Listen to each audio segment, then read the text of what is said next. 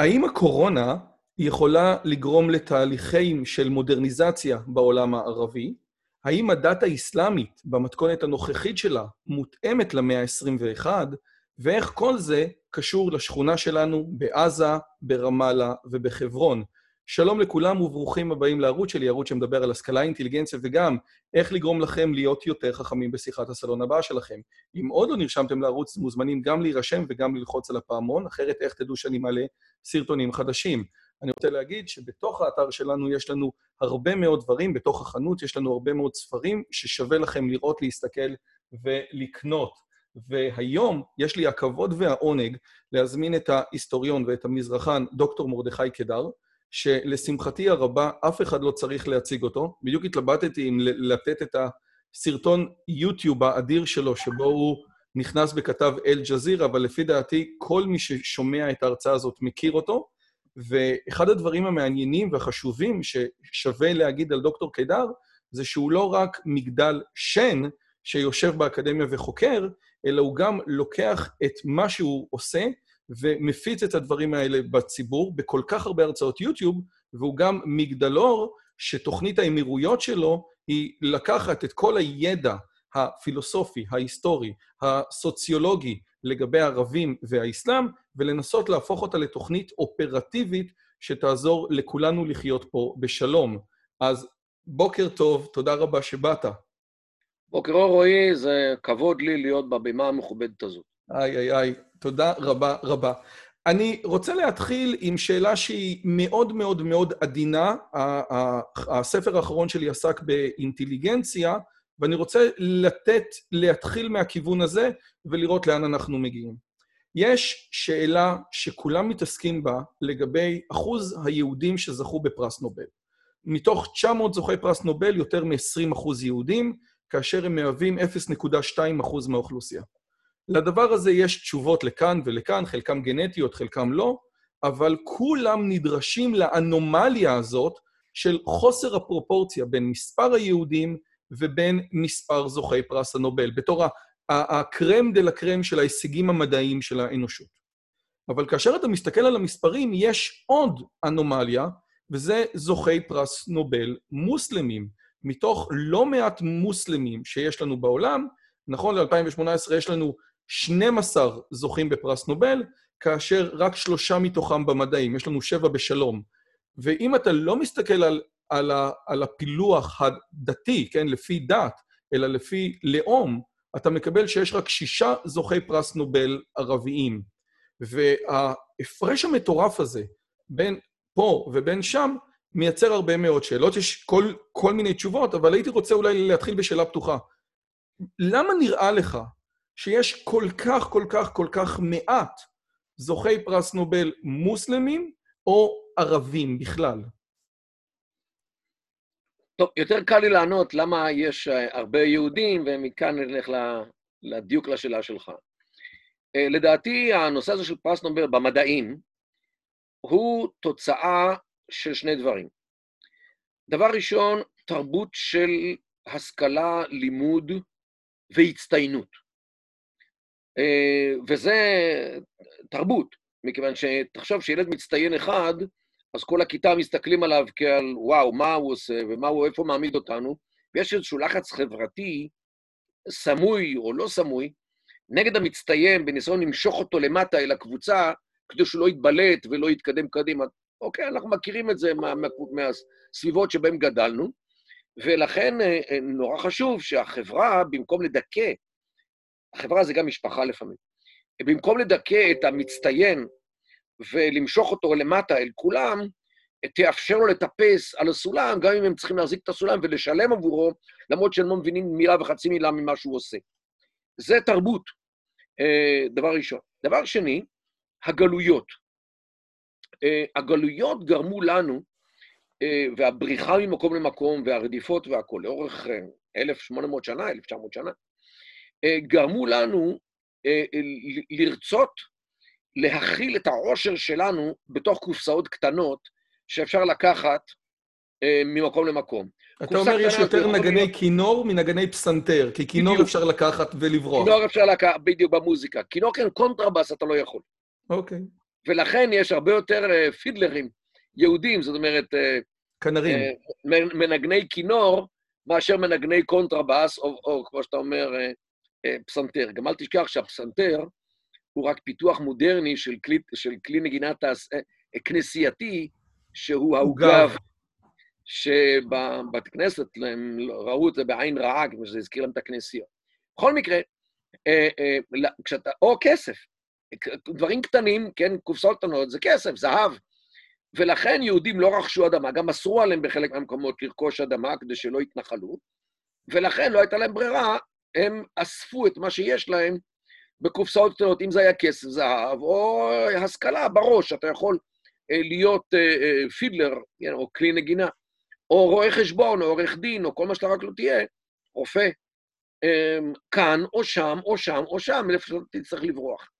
זאת אומרת, מצד אחד, כן, תרבות של השכלה, אבל עוד דבר חשוב מאוד, השכלה כרוכה בהטלת ספק. זאת אומרת, אתה לא יכול, אתה, אם אתה לוקח את הכל כאקסיומה, אז אין השכלה, אין לך שום דבר, אין לך סיבה ללמוד. אתה לומד בשביל לאתגר את מה שאמרו לך המורים שלך והמורים שלהם ומה שכתוב בספרים. אגב, אפשר. להגיד, במקום, במקום המילה אקסיומה, אני יכול להגיד ברשותך את המילה מכתוב? זה דומה, כן. זה דומה, הדבר הכתוב, הטקסטים המקודשים. אצלנו ביהדות יש מה שנקרא תרבות המחלוקת, ואתה רואה את זה לכל אורך המקורות היהודיים. משנה, תלמוד, גם, גם, גם בתורה אתה מוצא את זה, בתנ"ך אתה מוצא את זה לא מעט. זאת אומרת, שאצלנו זו תרבות שהיא לא קידשה את, ה, את האקסיומה, אז נכון, יש את הדברים שהאמונה בקדוש ברוך הוא, דברים כאלו, זה, בזה אתה לא יודע, אבל מה זה אמונה, ומתי אמונה, ואיך אמונה? ספר איוב, שהוא אחד מ-24 ספרים מקודשים, הוא ספר שכולו התלבטות והעלאת שאלות, ושחלקם הם בלתי פתירות. ו, ו, ועוד ועוד.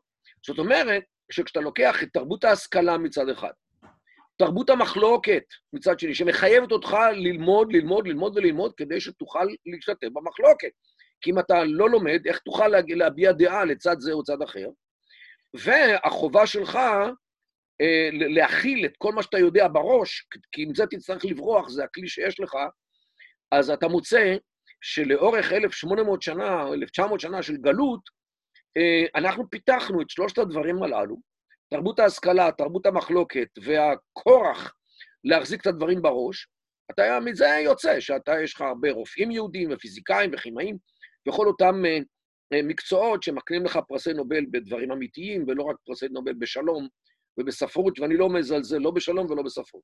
אז לקחת את כל מה שאמרת עכשיו ולהפוך אותו כדי לקבל את ההסבר ההפוך? דבר ראשון, כשאתה לוקח את, את הדברים האלו לתמונת המראה ההפוכה, לעולם האסלאמי, דבר ראשון, הם לא חוו גלות. הם לא חוו אה, רדיפות ממקום למקום. נכון שהם מדי פעם היו הורגים אחד את השני, עד היום, אבל uh, עדיין תופעה כללית, גדולה, גורפת, של גלות שהקיפה כמעט 100% מעם ישראל, למעט איזושהי uh, קבוצה קטנה שנשארה בארץ, uh, uh, לא היה כזה דבר באסלאם, ולכן אין שום סיבה להכיל את הדברים במקומות הקטנים, ולכן אין שום סיבה שדוחפת את הנושא הזה. ב', באסלאם אסור להטיל, אסור להטיל ספק. אין מחלוקת. אם, אם הקדמונים כתבו מה שכתבו, אתה חייב לקבל את זה כסחיח, זאת אומרת, כנכון, או כמוסנד, זאת אומרת, ממוסמך, או עם, עם אסמכתה, ולכן אסור לך להעלות uh, ביקורת, ואם כן, אתה עושה את זה בזהירות רבה מאוד כדי לא להרגיז. Uh, זה, זה, זה דבר ראשון. דבר שני, הנושא של אלימות. אצלנו מקסימום, אם, אם אמרת משהו, נגיד שפינוזה, אמרת משהו שהקבוצה לא יכולה להכיל את זה מבחינת התוכן. עשו לו ברוגז. אז עושים עליך חרם והם מוצאים אותך מה זה, אתה הולך, הולך לשכונה אחרת ואתה חי שם. זה המקסימום שהעונש, מה שנקרא החרם, השמטה, שהקהילה היהודית יכלה להטיל על אדם, כי לא היה לה שלטון. בפועל לא היה לה שלטון, היא חי, חייתה תמיד בצל שלטון אחר, אסלאמי או נוצרי. ולכן אה, אה, לא היה לה סנקציה. לעומת זאת, באסלאם יש סנקציות. כיוון שיש שלטון בידיים של, של האסלאם, כן, עד תחילת המאה ה-20. האסלאם שלט, איפה שהוא שלט, זה- אנשי נשים בשם האסלאם. אגב, והם, אם אתה לא אומר דברים, אם אתה אומר דברים שהם לא, לא אוהבים לשמוע, אז uh, אתה מסכן את הקשר בין, בין הראש והכתפיים. ברשותך, אני יודע. רוצה לחדד משהו בשביל הצופים שלנו. קודם כל, ה- יש בספר הכוזרי, רבי יהודה הלוי מביא טיעון מאוד מעניין והוא מאוד הוגן. מלך כוזר, אה, רבי יהודה הלוי אומר לו, אנחנו יותר סובלניים. ואז מלך כוזר אומר, כן, אתם סובלנים כי אתם לא בשלטון. הייתם בשלטון, אולי הייתם עורפים ראשים. יכול להיות שהוא צודק, אבל דה פקטו, מכיוון שלא היינו בשלטון, לא ערפנו ראשים. והייתה סובלנות הרבה יותר גדולה, כי לא היו לך אה, אה, אמצעי אכיפה וענישה. זה דבר אחד. לא רק זה, לא רק זה, גם לא הייתה הגות דתית שקשורה לשלטון. האחרון, לפני המאה ה-20, שכתב על שלטון יהודי, היה הרמב"ם, לפני כמעט אלף שנה, שכתב את הלכות מלכים ומלחמותיהם. חוץ ממנו, ו- ואחריו, עד uh, התקופה המודרנית, אף אחד לא כתב על איך אתה מנהל מדינה יהודית. במה התעסקו? בשבת, במועד, באוטונומיה היהודית של הקהילה. ניהול ההלכה בבית. זאת אומרת, כשרות, שבת, מועד, תורת המשפחה, וזה... זה אגב, אגב, ברשותך, גם דיני חוזים, מה שנקרא חושן משפט, אבל משהו שלא יוצא מהסכמים שבין יחידים בקהילה. כן, לא כן. משהו מעבר.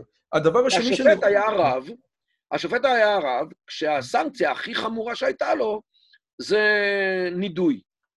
הדבר השני שברשותך אני רוצה לחדד עבור הצופים שלנו, החילונים בעיקר, שרואים את היהדות גם כאיזשהו מקום שהוא בעיקר מה שכתוב, התרבות של התלמוד היא כזאת שכל הזמן מתווכחים. אני חושב שהסיפור, אתה מביא את הדוגמאות של ספר איוב, דוגמה שאני מעדיף היא באמת הדוגמה של רבי אליעזר וחכמים, שרבי אליעזר אומר, אלוהים איתי, וחכמים אומרים לו, לא מעניין אותנו מה אלוהים אומר, אנחנו נחליט מה שאנחנו נעשה פה.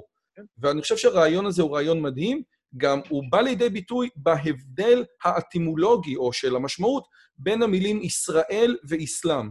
פירוש המילה, המילה ישראל, הפירוש ההיסטורי זה לריב עם אלוהים, פירוש המילה אסלאם זה להיכנע לאלוהים, נכון? כן, כן, לקבל עליו את עול מלכות שמיים. ואנחנו היהודים תמיד. נלחמנו עם אלוהים.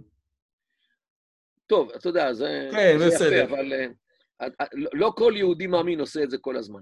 עכשיו, אני רוצה אולי, ברשותך, להקשות עליך. מכיוון ש... רגע, אנחנו היינו עדיין בנושא של האסלאם, אוקיי, לגבי uh, למה הוא uh, uh, פחות פרסי נובל. היינו כן. עדיין שם. נכון. אז דבר ראשון, האסלאם לא חווה גלות, ולכן לא הייתה להם הכורח הזה להחזיק כל דבר בראש וללמוד. דבר שני, אמרנו ששם יש אקסיומות שאתה לא, אתה לא מעלה, אתה לא מעלה עליהם ספק, ולכן... אה, ומדע זה בעיקר להעלות ספק. בדיוק. זה, זה מתחיל מלהעלות ספק וללמוד כדי לענות על הספק. הדבר השלישי זה, ה, זה הסמכותנות של המוסדות הדת. ברגע שהם שולטים אחד על השני, אז אה, א', אסור לך לומר את הדברים הללו, ב', אתה לא יכול לומר אותם, ולכן, אה, ועוד דבר חשוב מאוד, זה מה שנקרא הבורות. אצלנו כל ילד יהודי יודע לקרוא, החל מגיל שנתיים, שלוש, הולך לגן, ונותנים לו אותיות בצורת, עוגיות בצורת אותיות עם דבש, כדי שיתחיל אה, ללמוד את האותיות. אוקיי? ולכן האוריינות והידיעת קרוא וכתוב, זה בסיס לכל כל דבר, גם, גם לבנות. אמנם לא בשיעור של בנים, אבל אה, בהחלט בנות גם כן ידעו. אה, בעולם האסלאמי, אה, הידע קרוא וכתוב, אה, הוא התפשט בעיקר במאה ה-19-20. מוחמד היה אנאלפבית, הוא מתחיל את הקוראן שהמלאך אומר לו תקרא, והוא אומר לו אני לא יודע לקרוא. זה, זה מה שהם אומרים, שהוא היה אנאלפבית. לא ניכנס לזה, כבר קיסטר פתר את השאלה הזאת, זה לא, זה לא מדויק. בכל, הוא היה מנהל עסקים של אשתו, איך יכול היה לנהל עסקים בלי לדעת לקרוא פתק? כמה שלחתי לפה וכמה קיבלתי משם. אין, אין דבר, זה איזושהי הטעיה שהם מטעים, לא ניכנס לזה כרגע. בכל okay. מקרה, בכל מקרה, בגלל הסיבה, היו סיבות, בעיקר חברתיות, שאנשי דת שרצו לשלוט באנשים, הקפידו שהם יהיו בורים, לא ידעו לקרוא לבד. העתקת הספרים הייתה הייתה מונופול בידי אנשי הדת, כן, עד, עד שהגיע הדפוס למזרח התיכון בתחילת המאה ה-19, היה רק, אה, רק העתקה, ומי היה ממונה על העתקה? אנשי הדת. זאת אומרת, הם שלטו באמצעות האיליטרציה, זאת אומרת, באמצעות החוסר ידע קרוא וכתוב, אנאלפביתיות, ובאמצעות המונופול על מה שכתוב, אתה שולט במה שאנשים יודעים, איך אנשים חושבים, מה הדעות שלהם ומה הם, איך הם רואים את העולם. ולכן, את, כשאתה לא רוצה לפתח דברים מסוימים, כמו מתמטיקה, פיזיקה, דברים כאלו, אז אתה פשוט לא כותב על הדברים הללו, לא מפרסם ספרים, לא חושף את האנשים לקיומם של דברים כאלו, ולכן אתה שומר את האנשים, כפי שהם שומרים, שהם ימכרו עגבניות בשוק, וזה הכול. ולכן, כשאתה מחבר את כל, ה- את כל הדברים האלה ביחד, שלא הייתה גלות, אסור להעלות ספק, וחוסר אה, ידע בקרוא וכתוב, אתה מגלה שתרבות הלמידה בחברות אסלאמיות גדולות, ולא כולם, אני אומר, יש, היו פה ושם אה, כאלו שכן אה, פיתחו למידה, אבל זה היה בעיקר בענייני דת, עד התקופה המודרנית. אמ, אז, אז אין לך שם מסורת של, של למידה דווקא בדברים הללו שמביאים פרסי נובל, ואל תשכח שפרס נובל משקף את תרבות המערב. זאת אומרת, מה חשוב למערב? אין פרסי נובל בתיאולוגיה, אוקיי? אין פרס נובל בתיאולוגיה. למה? מכיוון שהתיאולוגיה לא מעניינת את המערב, אחרי שהוא, כן, השיל מעצמו את הדתות, גם הנצרות וגם דתות אחרות. אה, אה, כבר מאז תקופת, הלא יודע מה, המהפכה הצרפתית, עם הלאיסיטה שלה, זאת אומרת, עם החילוניות שלה, הרפורמציה עשתה לזה לא מעט. זאת אומרת, אירופה היא אירופה שהיא בנשמה שלה חילונית כבר מאז המאה ה-18. זה באמת נכון, אבל לזה אני רוצה להגיע. אבל ברשותך אני רוצה להקשות עליך אה, שתי קושיות על מה שאמרת. קושייה אחת, ואני רוצה לפני הקושייה אפילו לחדד את העניין הזה, בגלל שהדבר הזה הוא חשוב. פרס נובל באמת מתאר את ה crème de la crème de la crème. אבל לא רק בפרס נובל. את ה crème de la crème של תרבות של המערב, נכון מאוד. על פי, אבל... על פי הקריטריונים של תרבות המערב. נכון, אבל אני רוצה להקריא לצופים את זה. גם הודו וגם ספרד, כל אחת מייצרת, וזה מאמר מ-2012, כן? יותר ספרות מדעית או מאמרים מדעיים מכל המדינות המוסלמיות יחד. העולם המוסלמי תורם למדע לא יותר מ-1%, ובדרך כלל באיכות נמוכה, זה מה שכתוב פה. הדבר השני זה, אז אני רוצה לשאול שתי שאלות. הרי א', כל מה שאמרת עכשיו עושה רושם שאם לא הייתי שומע את תחילת השיחה, הייתי יכול להגיד שזה מאוד דומה לכנסייה הקתולית ולנצרות, שלקחו את המונופול על הדת, שנשאו את האנשים בורים, שהיה דוגמה, לגלילאו עשו את המוות. זאת אומרת, מה שאמרת עד עכשיו ב- יכול היה להיות תקף באותה מידה גם לתרבות הנוצרית הקתולית. זה הדבר אחד. הדבר השני זה שיש לנו את עידן הזהב של האסלאם, את תור הזהב של האסלאם, עם פיתוחים במתמטיקה, בפיזיקה, בגיאומטריה, באסטרונומיה. אמנם סטיבן ויינברג, שכתב ספר על מדע, כתב, אנחנו לא מוצאים מדענים מוסלמים אחרי 1100, אבל יכול להיות שאולי זה בגלל האינטרפטציה של המוסלמים את האסלאם, התיאוריה של אל-גזלי ודברים כאלה, ולא האסלאם. עובדה שהאסלאם יכול לספק שמות גדולים ופיתוחים גדולים במדע בתור הזהב שלו. טוב, את הקושייה השנייה אני זוכר, את הראשונה כבר שכחתי. הראשונה היא, אתה בעצם הסברת לי למה, למה אין, אין, אין, אין יצירתיות וחדשנות טכנולוגית. אמרתי, תקשיב, ההסבר שלך מקסים, אבל הוא תקף באותה מידה לעולם הנוצרי. אתה צודק. אז אני אענה לך על זה. אתה צודק. אבל אחרי זה אתה תשכח את הזה השני. רגע, רגע, זה בדיוק. אני, אני כבר עברתי את גיל 40 בכמה שבועות. Uh, לגבי הכנסייה, אתה צודק לחלוטין בהבחנה שלך, ואחד ההסברים הפשוטים לזה זה שהאסלאם היום הוא בין 1441 שנה לפי הספירה האסלאמית. שיהיה בריא. Uh, לפי הספירה הרגילה זה 1410. בסדר? בערך. שנים. Uh, זאת אומרת, או קצת פחות. זאת אומרת, uh, אנחנו מדברים על דת שהיא יחסית צעירה. תחשוב על איך הייתה הנצרות בשנת 1400 או 1410 באירופה. אז אתה מאוד אופטימי, עוד 600 שנה הכל מסתדר, בסדר. תראה לך, פה מדובר בבשלות, פה מדובר בהתפתחות, שהאסלאם התחיל את זה, את, את, את תחילתו, בשנת 610 של הספירה הנוצרית. זאת אומרת, ב-610 כבר, הנוצרים כבר עברו את המחלוקת הגדולה בין הנצרות המערבית המזרחית, כן, בין אה, רומא לקונסטנטינופול, כן. כבר היו מלחמות על הרקע, כבר היו 600 שנה שהנצרות רק אז התחילה האסלאם. זאת אומרת, כשאנחנו נמצאים פה, ב, אם, אם מדברים על תרבות שהיא עוד לא, עוד לא עברה את התהליכים שהנצרות עברה אותה. ונכון שהתקופה המודרנית, בגלל התקשורת בעיקר, אה, התהליכים הללו מזדרז, מזדרזים יותר. זאת אומרת, קבועי הזמן שצריכים להבשיל בהם אה, אה, כאלו תהליכים, היום הם מתקצרים בגלל הנושא של תקשורת. מצד שני, אל תשכח שהאסלאם, מבחינה גיאוגרפית, הוא הרבה יותר רחב מהנצרות של אירופה, של, המאה, של ימי הביניים, כי האסלאם היום נמשך מאינדונזיה במערב, במזרח, כן. במזרח, במזרח, עד לוס אנג'לס. עד לוס אנג'לס. כי היום יש לך גם קהילות מוסלמיות, מהגרות, כמו שהיה אז בספרד, ב- ב- באמריקה. וגם זה חלק מהאסלאם, אתה לא יכול לבטל, כי שם יש מיליונים של מוסלמים. זאת אומרת שהספן, המרחב האסלאמי היום הוא כל כך גדול, שההשפעה של מה שקורה באינדונזיה על מה שקורה באמריקה היא אפסית. ולכן ההתפתחויות, הם, לא, האופי שלהם הוא אחר. אירופה היא הרבה יותר, הייתי אומר, מצומצמת בשטח, והחברות אה, אולי נוגעות יותר זה בזו, ולא היה תקשורת באותם ימים כמו שהיא היום. זאת אומרת, היום התנאים קצת, משתנ... קצת שונים, אבל עדיין אנחנו מדברים על תרבות שהיא הרבה יותר גדולה. אתה אומר, לנצרות יש פור של 600 שנה, ואתה לא יכול להתעלם מהפור הזה.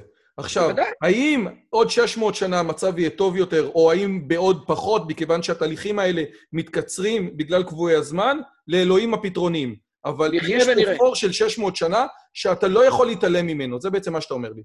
נחיה ונראה. אוקיי, או, לא, או מישהו יחיה ויראה. כן. עכשיו, שאלתך השנייה? השאלתי השנייה הייתה, האם מה שאתה מדבר לי על האסלאם לא מדבר על בעיה אינהרנטית בפילוסופיה האסלאמית, כמו שאני, אגב, יכול להיות שיש ואני אגיע לזה, אלא בפרשנות האסלאמית, כי עובדה שבתור הזהב של האסלאם, הייתה התפתחות לא רק בתיאולוגיה, אלא עדיין. במקומות אחרים, והרמב"ם, אני רק אצטט, הרמב"ם שהוא תוקף את הכלם בסוף חלק א' במורה נבוכים, אומר, אומר על הכלם את הדברים הבאים: אני מסכים עם המסקנות שלכם, אני לא מסכים עם דרך ההוכחה. צריך שהדעות ילכו אחרי המציאות, ולא המציאות אחרי הדעות. ויכול להיות שזה רק פרשנות אסלאמית שהיא בעצם מה שתוקעת את הכל. והאסלאם כשלעצמו יכול להסתדר עם מדע, עם טכנולוגיה, עם אה, גיאומטריה, עם מתמטיקה וכו' וכו', אלגברה. טוב, כאן אה, אה, יש בהחלט, אה, הייתי אומר, דעה כללית, גם אתה יכול להוסיף לה את תור הזהב של ספרד וכל הדברים הללו. אה, ופיתוחים של מתמטיקה, גיאומטריה, סטריאומט, סטריאומטריה. תורת המרחב. גיאומטריה של המרחב, וכמובן אסטרונומיה, שהיו בעיקר בבגדד העבאסית, כן, אה, בזמן השלטון העבאסים, בין אמצע המאה השמינית, 750, לבין אה, הקריסה שלה ב-1258. וזה, יש פה הרבה מאוד אגדות עם, שמבוססות על משהו מאוד מעניין. מה שקרה בתקופה ההיא, גם בספרד, גם בבגדד, העבאסי, אבל גם בספרד, זה ששליטים ערביים, בעיקר החליף העבאסי, לאורך אה, כ-500 שנה, אה, היה מחזיק בארמון אה, קבוצה של מדענים, בעיקר פרסים, הרי זה היה פרס קודם, ובעיקר ממשפחה של מלומדים פרסיים, שקראו לה משפחת נאובכט, משפחה ידועה ומוכרת של דורות על גבי דורות, של אנשים שהנחילו לבניהם והם לבניהם וכך הלאה את, את תורת המתמטיקה, הגיאומטריה, הסטריאומטריה וכל הדברים הללו. ולא רק זה, הפרסים באותה תקופה גם, לא יודע אם אתה יודע, אבל היה להם מחשב. מחשב. שמעתי על ה... איך, איך קראו למחשב הזה? אבקוס. זאת נכון. אומרת... החשבונייה. החשבונייה. זה עם החרוזים שאתה מעיף מצד לצד. שמע, על הדבר הזה, שהוא גרם, מבוסס על אה, חשבון בינארי, על הדבר הזה אתה יכול לחשב הכל. לוגריתמים, סינוס, קוסינוס, טנגנס, הכל אתה יכול לחשב על החשבונייה הזאת, אם אתה רק יודע איך להפעיל אותה. אגב, אני רק רוצה נכון. לחדד עבור הצופים שלנו, שווה, אנחנו נשים פה סרטון שמראה איך היום, במאה ה-21, ניתן לעבוד עם כן. חשבונייה ולעשות בשניות מכפלות של מספרים דמיוניים. זה פשוט מדהים, זה באמת היה, כמו שדוקטור קדר אומר, מחשב אמיתי שקיצר או אפשר כן. חישובים שלא היו אפשריים אחרת. כן, סליחה. בהחלט. והחבר'ה הללו, הפרסים, היו גאוני עולם, היו מדענים לא נורמליים. תשמע, הם, הם... אנחנו למדנו מהם את השיטה איך לעבר את החודש, איך לקדש את החודש, איך מחשבים. הרי לא היינו צריכים לסתר את כל הנושא של הלבנה, וזה קרה בקהילה היהודית בבבל, שהייתה עד אמצע המאה השביעית תחת שלטון הפרסים. הפרסים היו שם, ולא הערבים, אוקיי? ומהם למדנו. אני מדבר על משהו שהיה 600 שנה לפני, לפני הכיבוש הערבי. למדנו מהפרסים המקומיים את כל הנושא של החישוב והנושא של האסטרונומיה. הם הכירו כוכבי לכת, הם ידעו איך לחשב את המסלולים שלהם.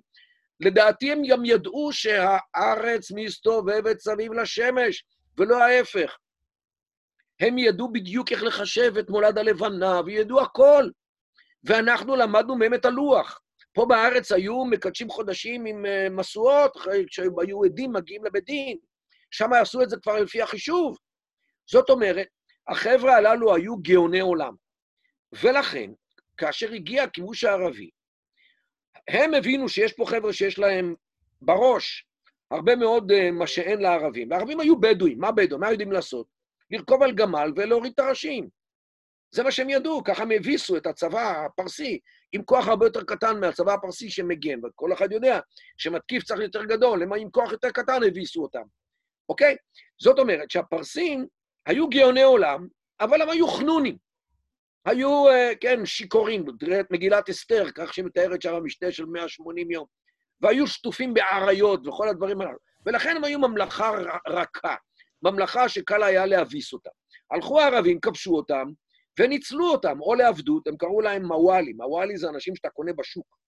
הם היו מוכרים אותם לעבדים. ו... ומשתמשים בהם. אז באו, השתמשו לנקות את החלונות, ובאו, השתמשו בשביל שיעשה להם ספרים בפיזיקה. עכשיו, מי חתם על הספרים?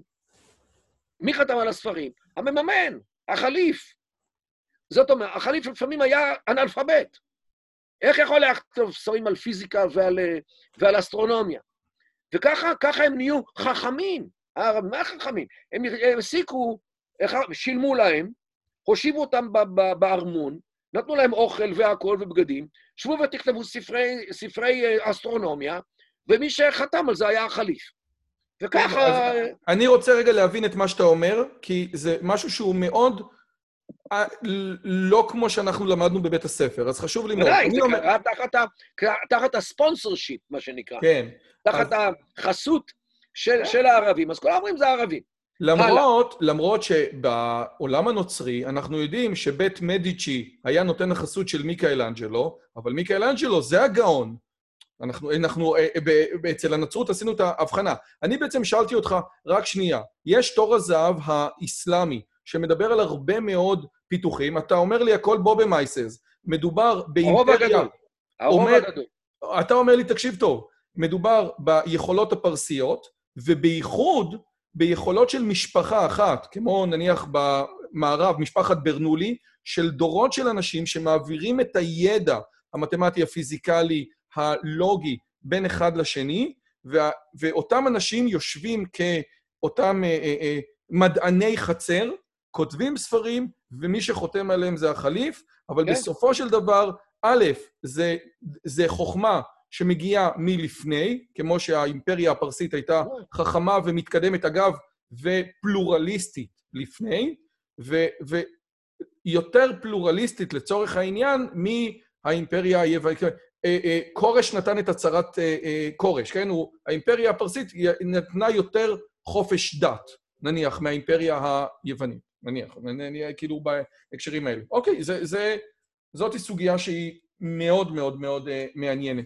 אני רוצה, מהרגע ש... אגב, דבר כן. נוסף, מדובר על פילוסופיה וכתיבה פילוסופית, דברים כאלו. Uh, מה שהערבים עשו זה מימנו uh, תרגום לערבית של פילוסופים יוונים. מי, מי, מי תרגם את זה בדרך כלל? יהודים. היהודים. אוקיי? זאת אומרת, כאן צריך להצדיע לאותם מממנים ערבים, mm. מכיוון שהרבה מאוד מהפילוסופיה היוונית הגיעה לתקופתנו, לא בגלל שנשארו הכתבי יד היווניים, אלא מכיוון שזה עבר דרך הערבית. אוקיי? אז זה דבר... עכשיו, איך אני יודע שיהודים עשו את התרגומים הללו? בערבית יש שני אלפא-בטא. האחד זה המילון, שזה ألف, باء, تاء, ثاء, جيم, حاء, خاء, אין קשר ל... ל... ל... אין כמעט קשר לאלפאבית העברית. לעומת זאת, יש עוד אלפאבטה, שהיא א', ב', ג', ד', ה', כן? ألف, باء, אה, אה, جيم, אה, כן? ד' וכולי. בדיוק העברית. הראשונה משמשת במילון, השנייה משמשת כסעיפים במסמכים. העברית, הערבית העברית משמשת כ... בדיוק. האלפאבית העברית משמשת עד היום הזה.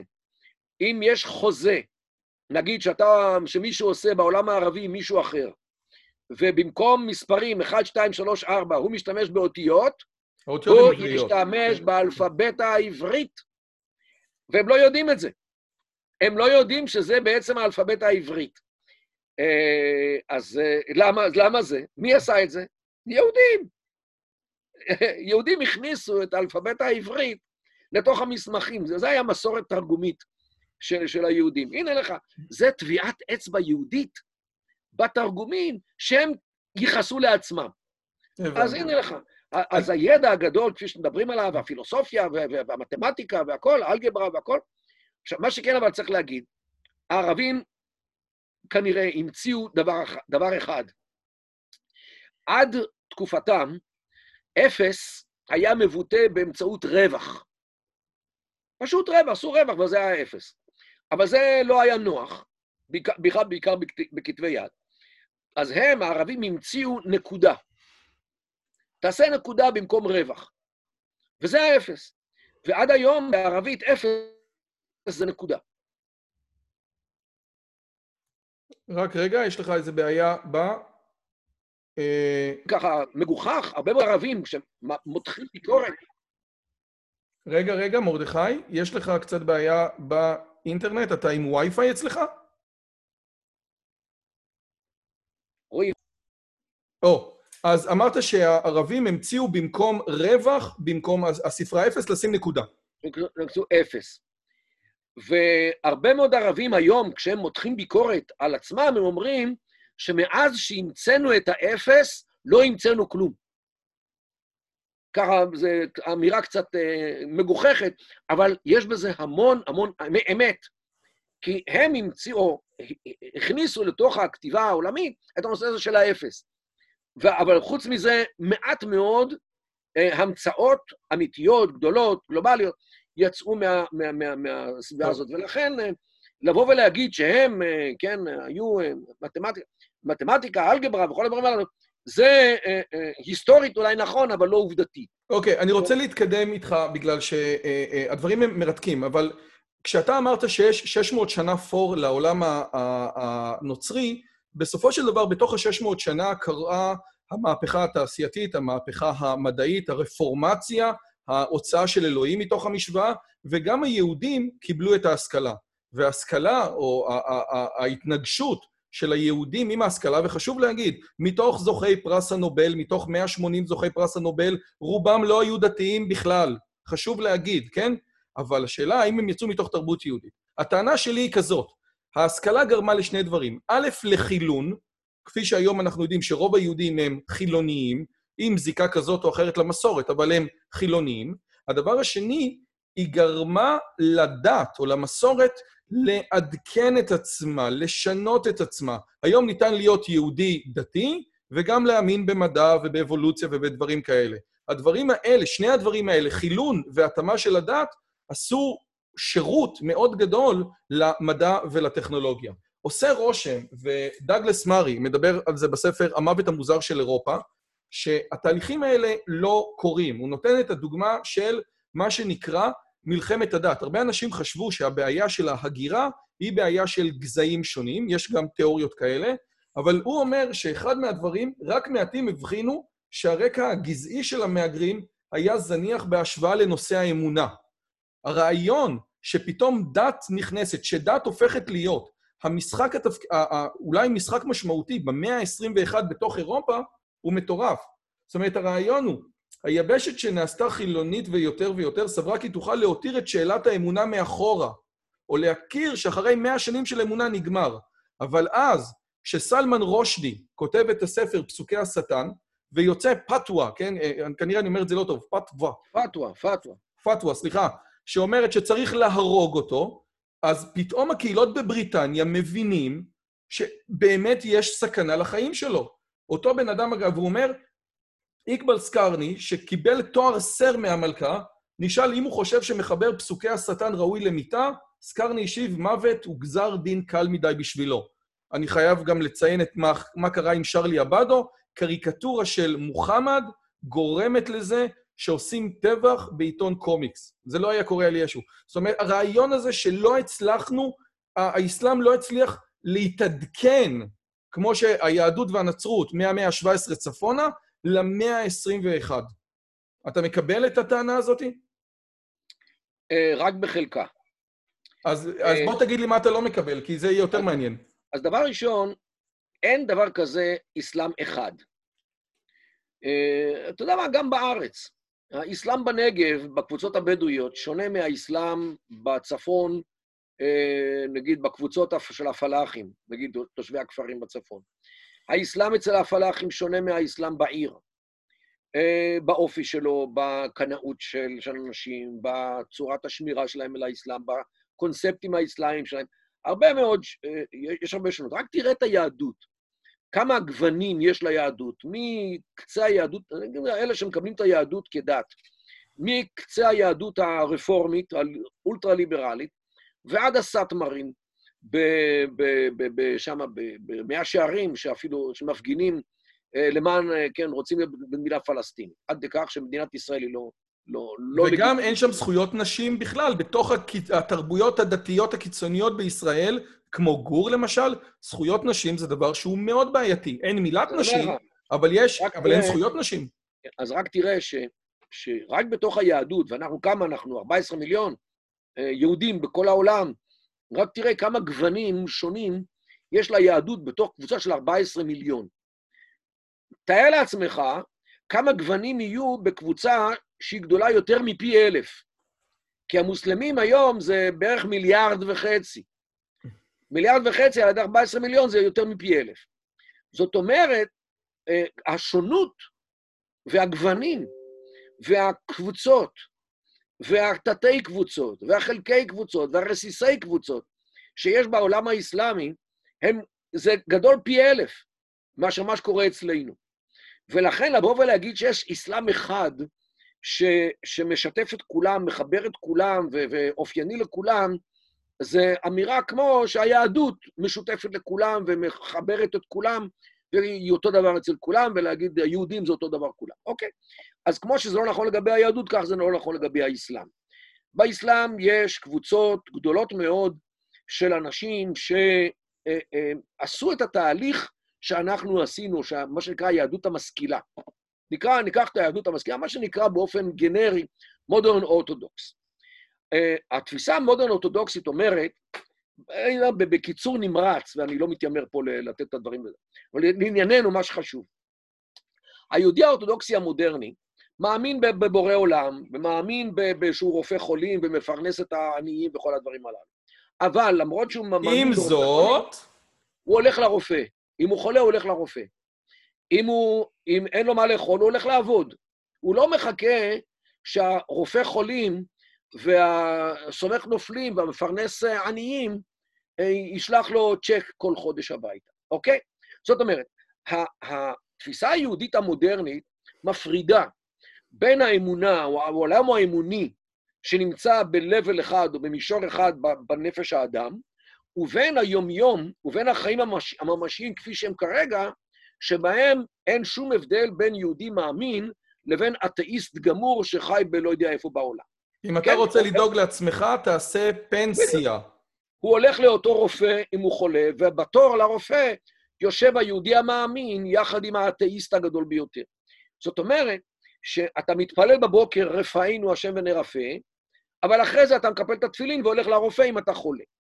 זאת אומרת שאתה מאמין בדבר אחד, במישור אחד של האישיות, הפרטית והקולקטיבית, אבל את החיים הממשיים נמצאים במישור אחר, גם הפרטי וגם הקולקטיבי. אוקיי, זה הייתי אומר בגדול. התפיסת העולם הדתית המודרניסטית שמקבלת את העולם כפי שהוא ומתפקדת עם העולם כמות שהוא, יחד עם האתאיסטים ויחד עם הדתות האחרות, שהדת נמצאת בלב אחר. הדבר הזה קיים גם באסלאם. בדיוק הדבר הזה יש באסלאם. כאשר יש הרבה מאוד מוסלמים, מודרניסטים כמונו, שמפרידים בין ענייני הדת, שזה מה שקשור לעונשים וג'יהאד, הכל, הכל קשור לדת. בחיים הממשיים אני מתנהג כמו שהעולם מצפה ממני להתנהג, אחרת העולם יעניש אותי, כך או אחרת. זאת אומרת, בפועל, בחיים הממשיים, אה, אה, הם מפרידים כמונו. הם מפרידים בין העולם האמוני לבין העולם הממשי שבתוכו הם חיים, מה שנקרא עולם כמות שהוא. ואלה מדינות שמצליחות יותר.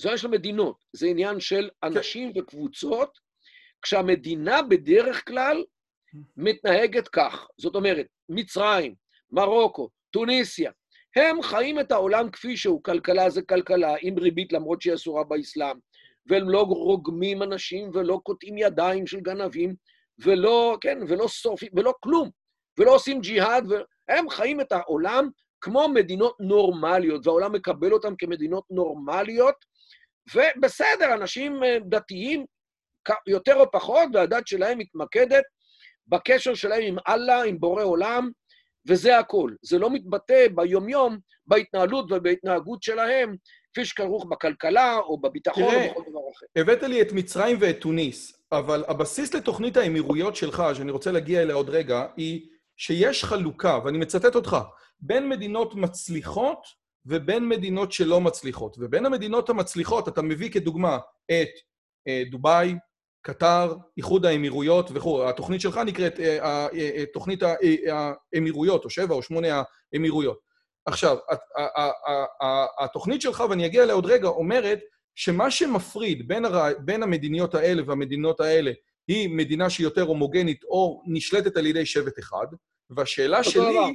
רגע, האם מה שמפריד בין מדינות אה, אה, מצ... מצליחות ולא, זה מדינות שהיחס שלהם לעולם המודרני, היחס שלהם למדע, היחס שלהם לזכויות אדם, היחס שלהם לזכויות נשים, אם אנחנו נראה סתם פה אה, אה, אה, share screen, סתם אני רוצה לתת איזשהו... הנה. איפה זה? פה?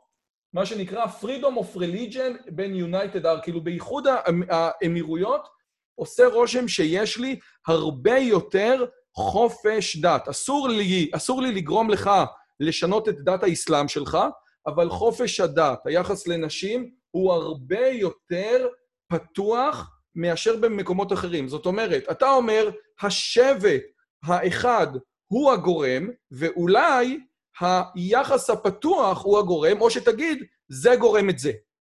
זו התוצאה. תראה. מה התוצאה, אה, סליחה? התוצאה זה יחס פתוח? זו התוצאה. היחס והכל זה התוצאה.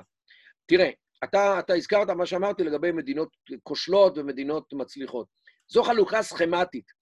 אה, יש כמובן גוונים בין המצליחות והכושלות, אה, ויש גם שתי מדינות שהן לא כך מתאימות, לא לזה ולא לזה, זה טוניסיה ומצרים, אבל אה, נדבר על, נגיד, במדינות הכושלות, אני כולל את עיראק, סוריה, תימן, סודאן, אלג'יריה, לוב, בין היתר מדינות מומצאות כאלה. אלה מדינות מלאכותיות, שהאוכלוסייה בהן היא אוכלוסייה הטרוגנית, מורכבת מקבוצות רבות. איפה. היית שם את ירדן? גם כן כושלת. כושלת ממש, ירדן בהגדרה היא מדינה שהמציאו אותה. היא מדינה שיש בה כל המחלות הגנטיות של, המח... של המדינות הכושלות. ולכן בראייתי הקריסה של מה שאנחנו מכירים היום בירדן זה רק עניין של זמן. אה, כי יש בה את כל, ה... את כל הסיבות שגרמו לקריסה של מדינות אחרות. אה, כל, המדינות הכושלות הן קונגלומרטים, זאת אומרת, אה, קיבוץ לא מגובש של קבוצות שבטיות, אתניות, כמו ערבים, כורדים, טורקמנים, אה, ברברים וכולי, קבוצות דתיות, אה, מוסלמים, נוצרים, עלווים, דרוזים, אה, כן, וקבוצות, כן, יזידים, כמו שבעיראק, וסבאים ומנדאים וכל מיני אחרים, וקבוצות עדתיות, סונים ושיעים וכל מיני כיתות, כיתות ותתי כיתות אחרות. לעומת זאת, המדינות המצליחות הן הומוגניות. כל המדינות שהזכרת, זאת אומרת, כווית, קטאר, ושבע מדינות שמאוחדות ב... איחוד האמירויות. איחוד האמירויות, שמעין כמו האיחוד, הוא כמו האיחוד האירופאי כזה. כלומר, אה, הוא דומה יותר לאיחוד האירופאי מאשר ליוניון האמריקאי. אה, אז כל מדינה שם... שומרת את הצביון שלה לעצמה. כל מדינה בנויה על שבט דומיננטי גדול אחד. נכון שיש כמה משפחות קטנטנות שהן מצטרפות, אבל אין להן שום עניין עם השלטון. וברגע שיש לך שבט אחד, אז המדינה היא מדינת שבט, כמו מדינת לאום במסוים, מדינה לגיטימית. השלטון הוא שלטון, ה... זה לא שלטון, זה, זה, זה הנהגה, אה, שהיא בעצם ההנהגה המסורתית שהנהיגה את השבט כבר לפני 200 שנה, כשרכבו על גמלים במדבר. בסדר, אז היום הם רוכבים על למבורגיני מזהב. אז מה, לגמל יש מושב עור, וגם ללמבורגיני יש מושב עור. אה, אוקיי, התרבות הנוכחית, המודרנית, משקפת את המסורת. וברגע שהתרבות המודרנית אה, אה, רובצת על מסורת יציבה, קיימת, אז המדינה המודרנית חיה וקיימת, לגיטימית. רגע, רגע, ברשותך, אני רוצה לעצור, בגלל שאני... לעומת זאת, לעומת זאת, במדינות הכושלות, עיראק וסוריה וכולי, שם המדינה המודרנית רובצת על, על, על, על קבוצות שלא מתחברות, לא מתחתנות אחת שנייה, מדברות בשפות שונות, ראש שונה, תרבות שונה, מנהגים שונים, הכל שונה, ולכן הם רבים אחד עם השני, ולכן המדינה נכשלה במשימה הראשונה שלה, של להתנחל בלבבות וליצור עם. ולכן לא אמרת, נוצר... משפט יפה שלך, המדינה המודרנית לא התנחלה בלבבות ולא החליפה את הזהות השבטית.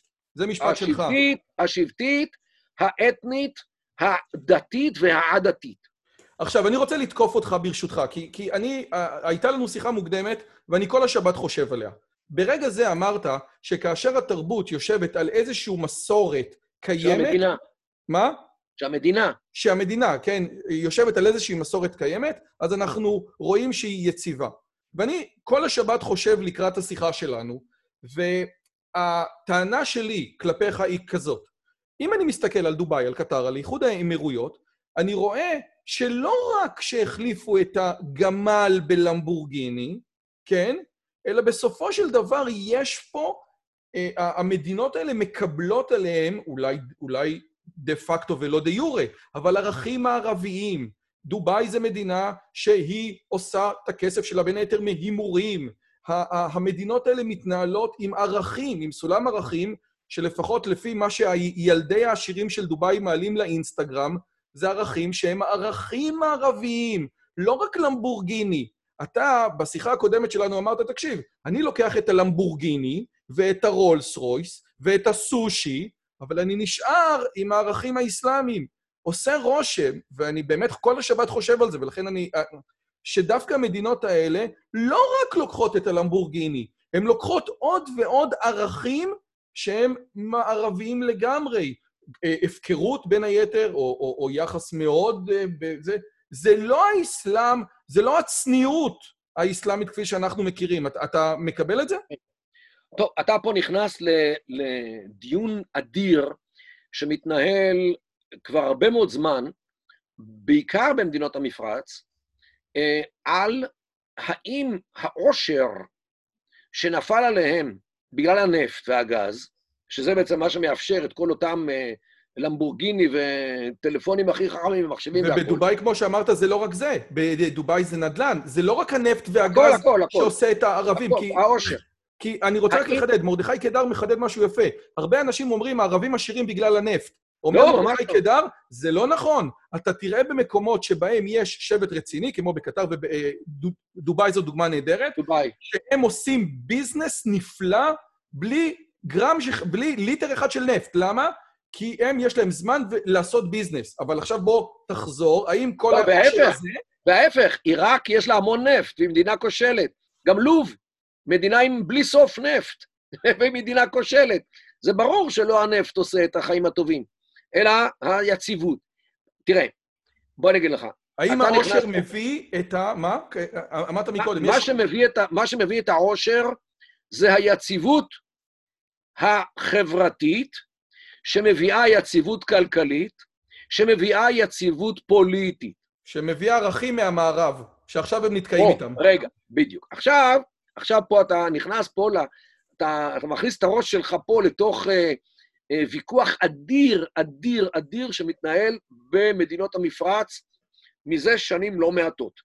האם העושר שנפל עליהם בין אם בגלל הנפט, או בין אם בגלל הנדל"ן והביזנס, האם הוא, וכאן אני אומר בערבית, האם הוא ניעמה או נקמה? זאת אומרת, האם זה ניעמה, זאת אומרת, האם זה טוב, נועם, או האם זה דבר גרוע מאוד? כאשר, אה, שאלה את מי אתה שואל.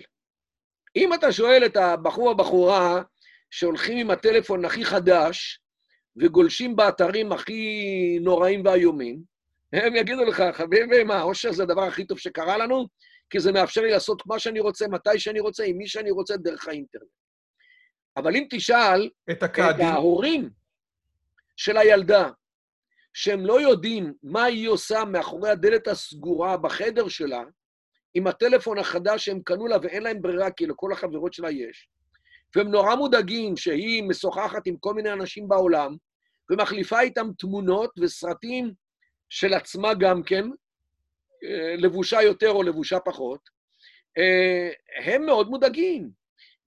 וככל שאתה אדם בוגר יותר, אתה מבין שהעושר הגדול שנפל בעצם הוא יותר נקמה מאשר נעמה.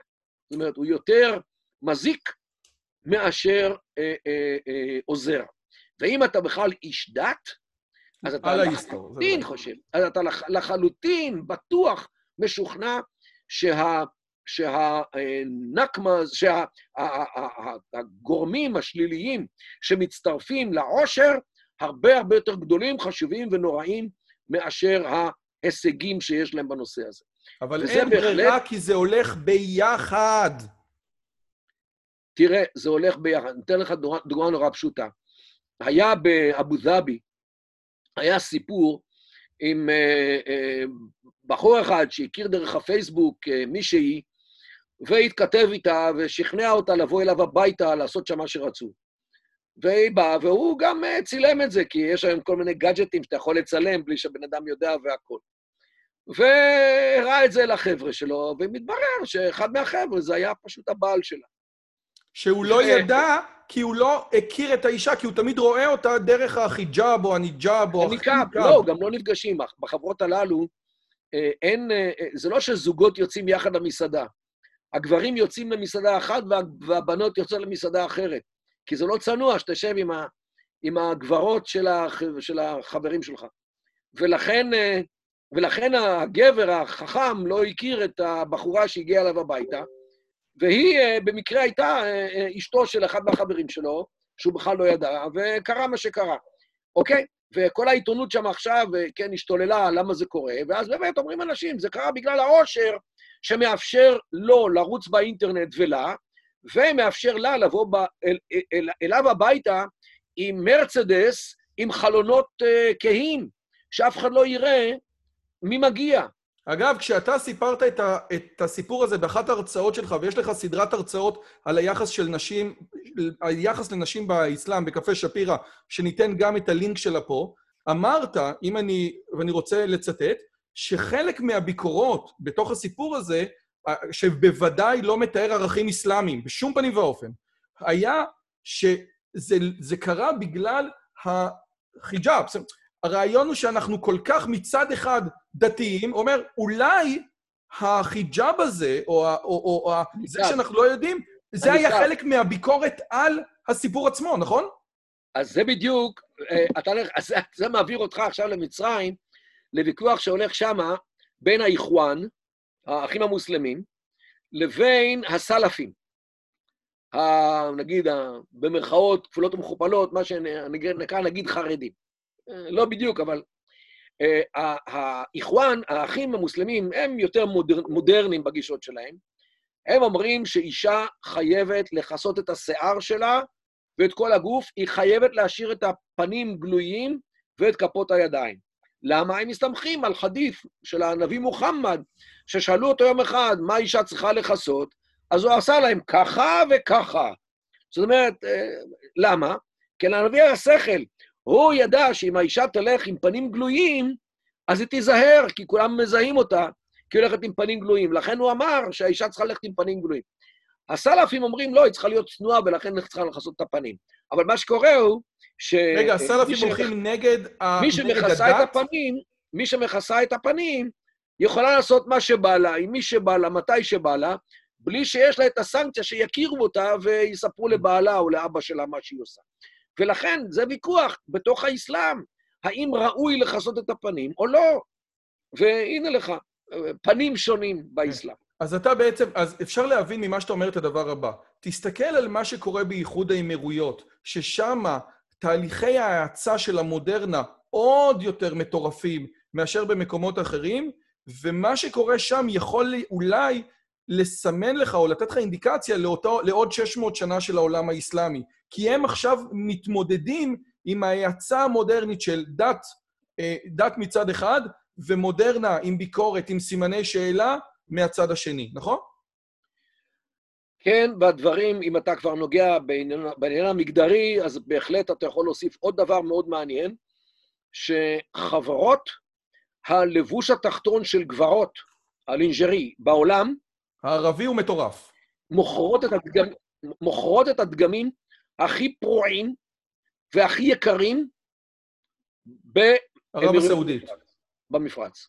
כן, זה, אני רוצה רגע לחדד. הנקודה היא שבסופו של דבר יש איזשהו, כלפי חוץ, יש לך, כולם יוצאות עם הזה, אבל מהרגע שהן יוצאות עם המטוס ועוברות הלאה, או אפילו פנימה בתוך הבית, אה, אה, שמחה וששון. ממש. זאת אומרת, אה, אה, וזה הדבר. עכשיו, אני רוצה מפה להגיע באמת לאולי, כי תוכנית האמירויות שלך, ואני רוצה לצטט מוויקיפדיה, היא תוכנית שאולי ההתנגשות המרכזית שלה היא מול המזרח התיכון החדש. המזרח התיכון החדש של שמעון פרס יצא מנקודת הנחה שאת הסוציולוגיה הפלסטינית, ואני חושב שאני אומר את זה נכון, ניתן לשנות. ניתן להפוך את האומה, את הפלסטינים, לפחות או יותר אזרחי העולם הגדול. ואתה אומר, זה לא יכול לקרות, כי אחד הדברים המשמעותיים זה השבט. אני חושב שהדבר המשמעותי ביותר בתיאוריה שלך זה הסיפור הזה של אה, משמנה, כן? זאת אומרת, לא משלנו, השבט. נכון? הרעיון הוא... משמינה. הרעיון הוא ש... עוד פעם? רועי, תגיד נכון. מוש מינה. משמינה. לא משלנו. לא משלנו. עכשיו, הרעיון הזה אומר את הדבר הבא. אנחנו לא מצליחים בתרבות השבטית, שהיא לא תרבות אסלאמית, עוד מעט אני אגיע לזה, בתרבות השבטית הערבית, המזרח התיכון, כל אחד מגיע מהשבט שלו. מישהי מחברון לא תתחתן עם מישהי מעזה, מישהי מיהודה ושומרון, אפילו יזלזלו בעזתים שיש להם מבטא אה, בדואי יותר, ולא מבטא שהוא יותר סורי. ולכן, אם אתה רוצה להסתכל על, אם אתה רוצה לעשות יציבות במזרח התיכון, בדומה לאמירויות שדיברנו, תחלק את הסיפור הזה לשבע, לשבע או שמונה, אני לא יודע, זה... זה יש... שמונה. שמונה, נכון? זה התחיל... כולל עזה. כן. כולל עזה. עזה היא כבר מדינה, למי שלא שם לב. כן, ב-11 וחצי שנים האחרונות. אתה אומר, תחלק את... לא, 11 וחצי אמרת ב-2019, זה כבר 12 וחצי. מ-2007, מיולי 2007, כן. עוד מעט 13. בעזרת השם, מזל טוב, עוד מעט בר מצווה. ואתה אומר, תחלק את הסיפור הזה, זה הפלסטינים, מדינה פלסטינית, זו מדינה שאנחנו המצאנו באיזשהו אופן כדי שהיא תעשה לחמאס ולג'יהאד את העבודה בלי בג"ץ ובצלם, זאת, עבודה, זאת אה, אה, אמירה שלך. הדבר הזה נשאר... לא שלי. אה. זה אמירה של הפוליטיקאים של שנות ה-90, שרצו למכור לנו את החלום הזה שערפאת יטפל בחמאס ובג'יהאד האיסלאמי בלי בג"ץ ובלי בצלם. יפה, ובעצם מה ש... לנו, ככה מכרו לנו את הסכמי אוסלו. ואתה אומר, זאת הסיבה שרבין התנגד למדינה פלסטינית, כי הוא בעצם מבין את הרע... אז, אז... כי אמרת שרבין באיזשהו מקום כן התנגד לזה בגלל שהוא הבין את הסיפור הזה. תראה, לא רוצה להיכנס לעומק הסיפור, מה שקרה... רגע, אז עזוב את רבין, כי אני רוצה באמת להגיע למשהו אחר, שהוא הרבה יותר משמעותי.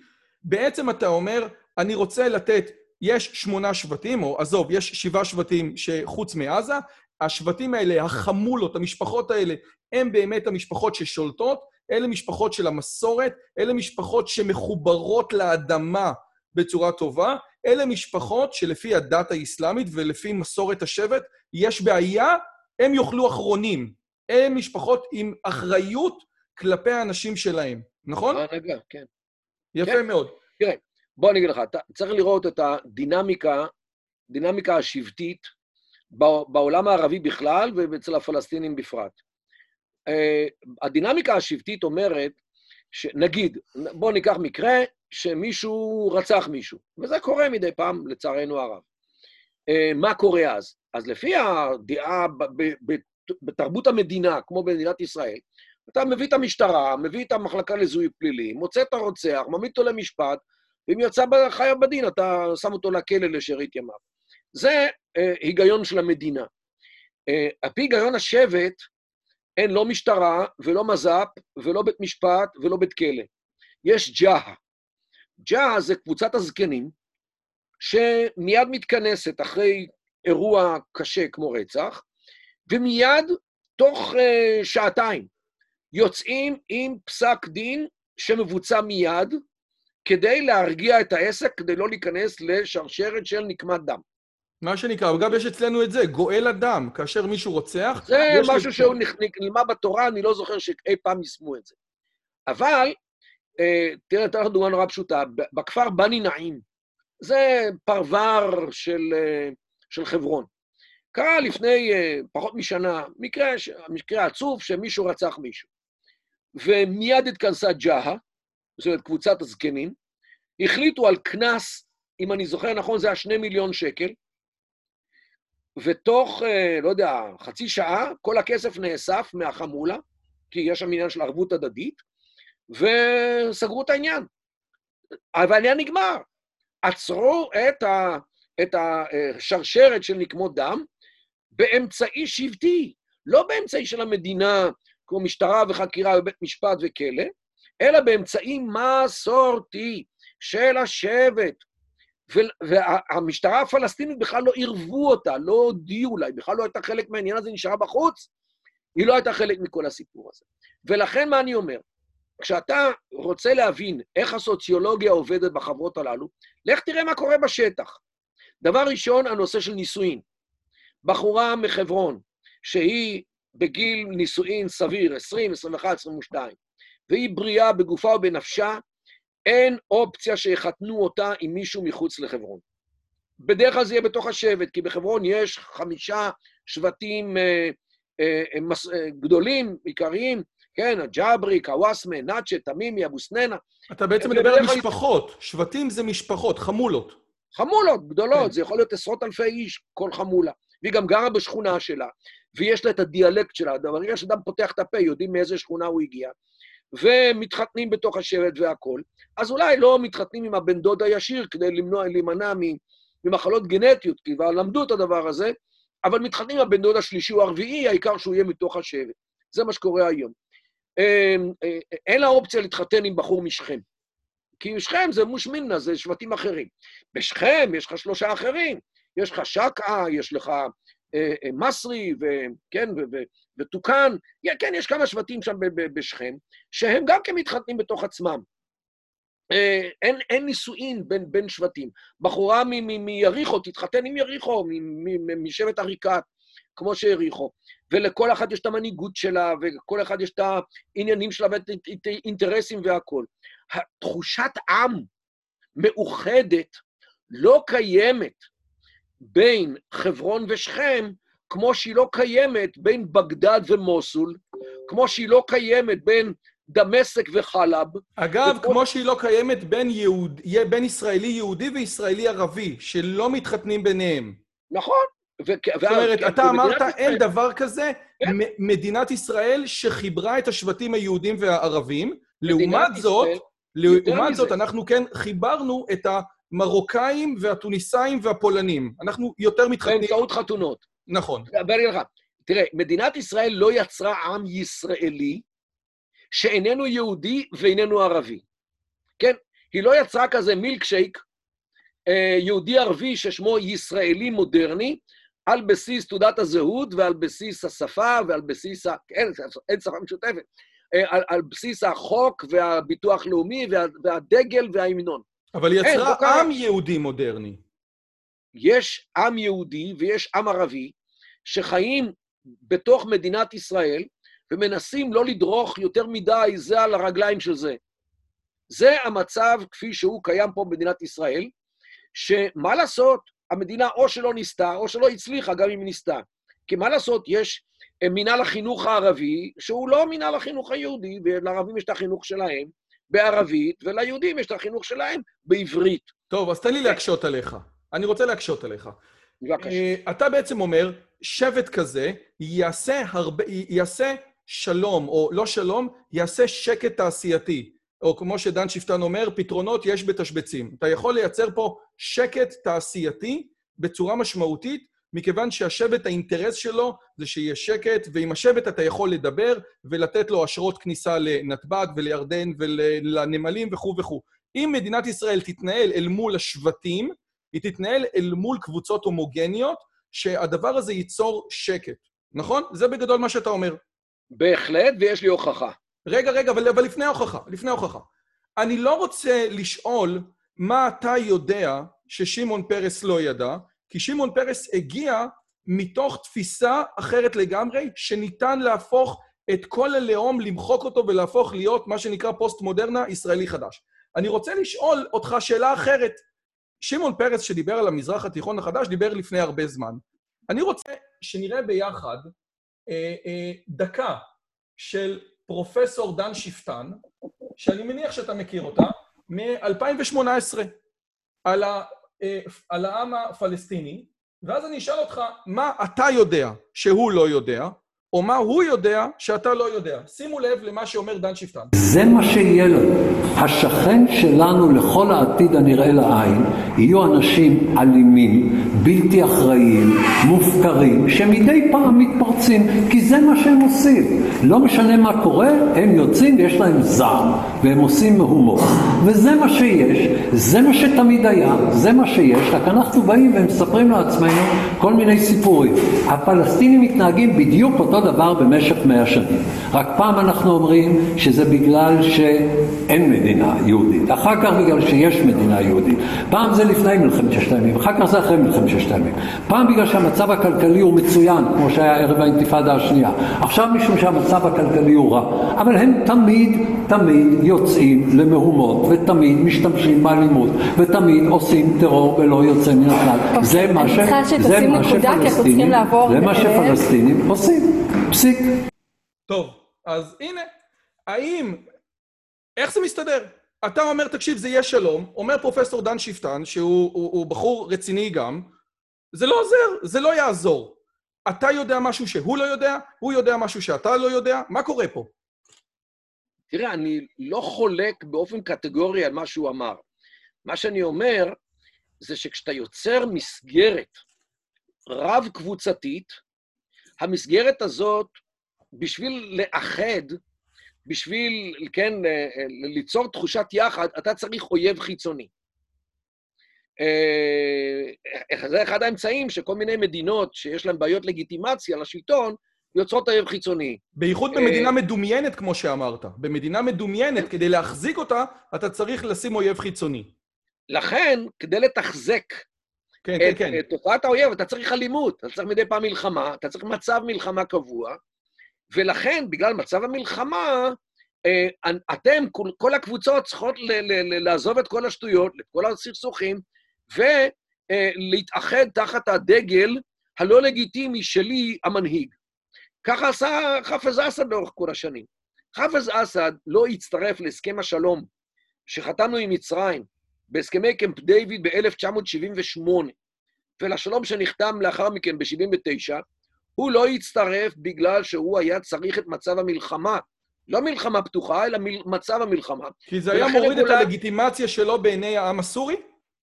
כדי להצדיק את העובדה שסוריה לא מאפשרת חיים פוליטיים פתוחים, לא מאפשרת זכויות אדם, לא מאפשרת מדיה חופשית. למה? כי אנחנו במלחמה, כי הגולן עדיין כבוש. ולכן אסד היה צריך את מצב המלחמה. לא מלחמה, מצב המלחמה. ולכן גם הגולן מבחינתו יכול להישאר להיות כבוש עד, עד סוף כל הדורות, כדי, כי הגולן הכבוש נתן לו סיבה לדכא את זכויות האזרח ואת זכויות האדם בסוריה. אוקיי? זה, אם זה עבד או לא עבד, זו שאלה אחרת. אם החברה, אם, כן, אם האזרחים אה, קנו את ההסבר הזה או לא, זו שאלה אחרת.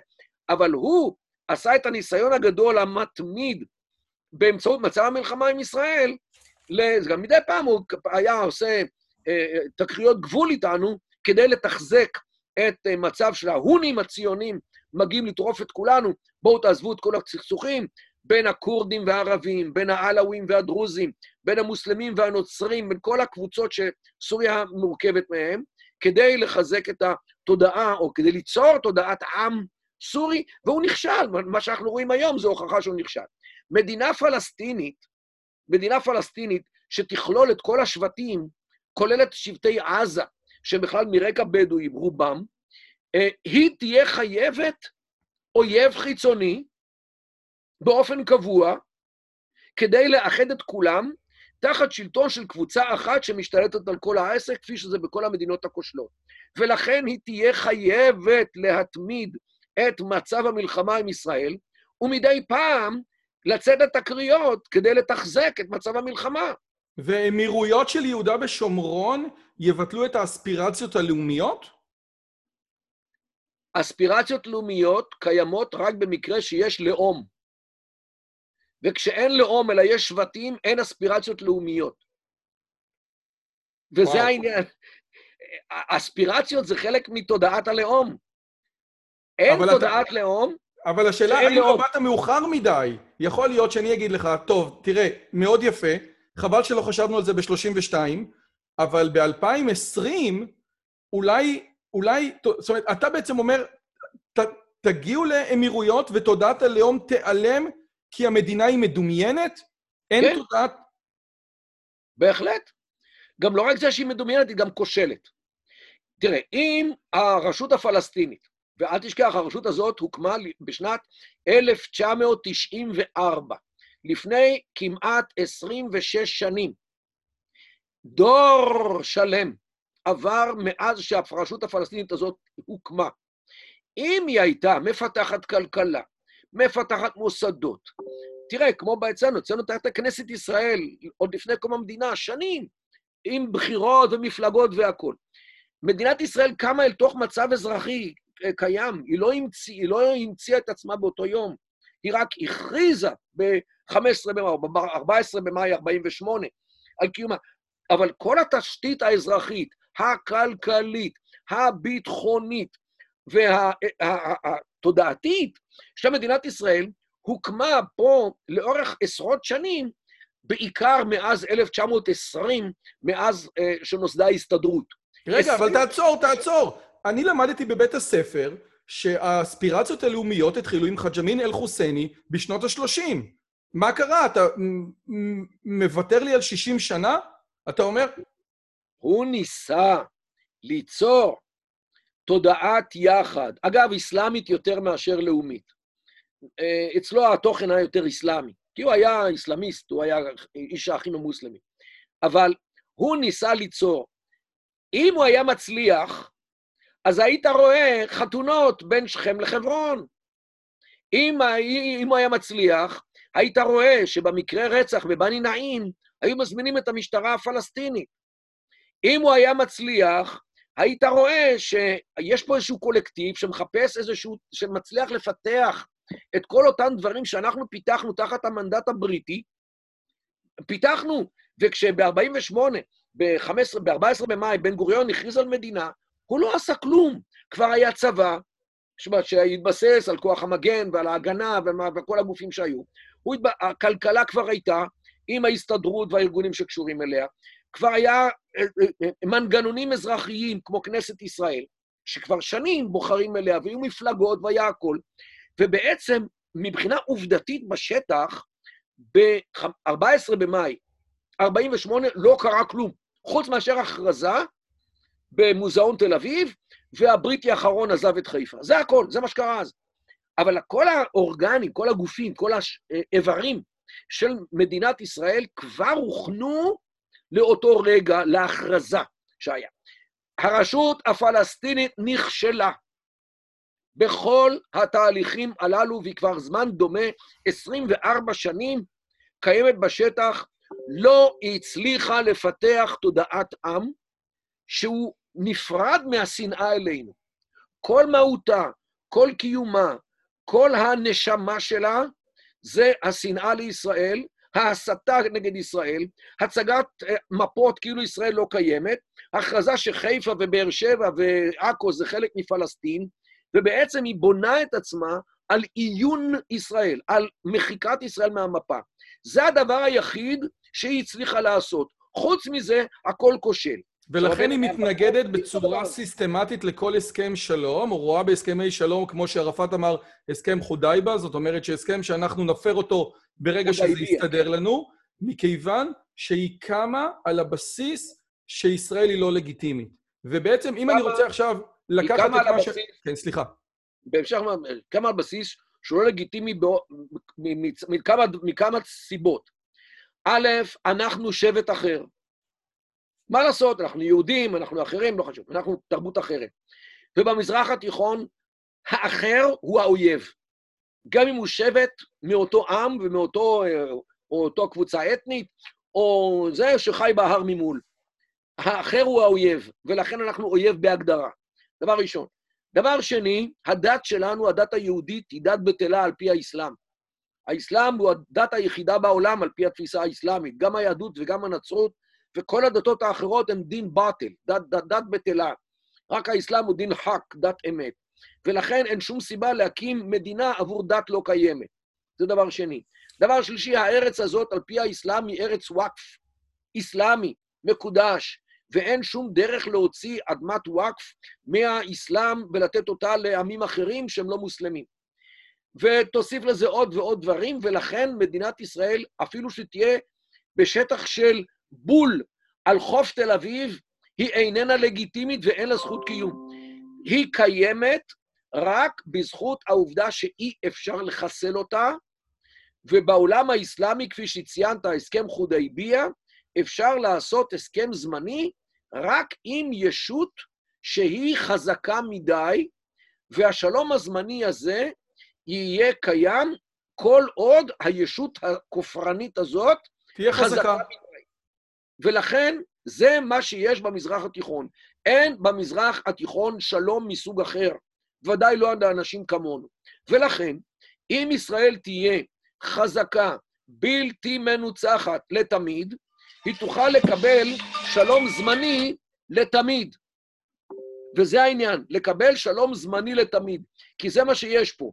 אין פה סחורה אחרת במזרח התיכון הבעייתי כל כך שלנו. וכל חלום המזרח התיכון החדש, זה בערך כמו חלום הגלובליזציה, שהיום הוא מתפורר תחת השפעת הקורונה, והחלום של האירופאיות, כפי שדגלס מרי מראה על המוות המוזר של אירופה שהראית, זאת אומרת, כל החלומות הללו על יצירת אה, עולם חדש, שבו כולם יושבים סביב למדורה אחת ושרים קומביה ביחד, זה קיים רק בספרים ובדמיון של אנשים מסוגו של פרס.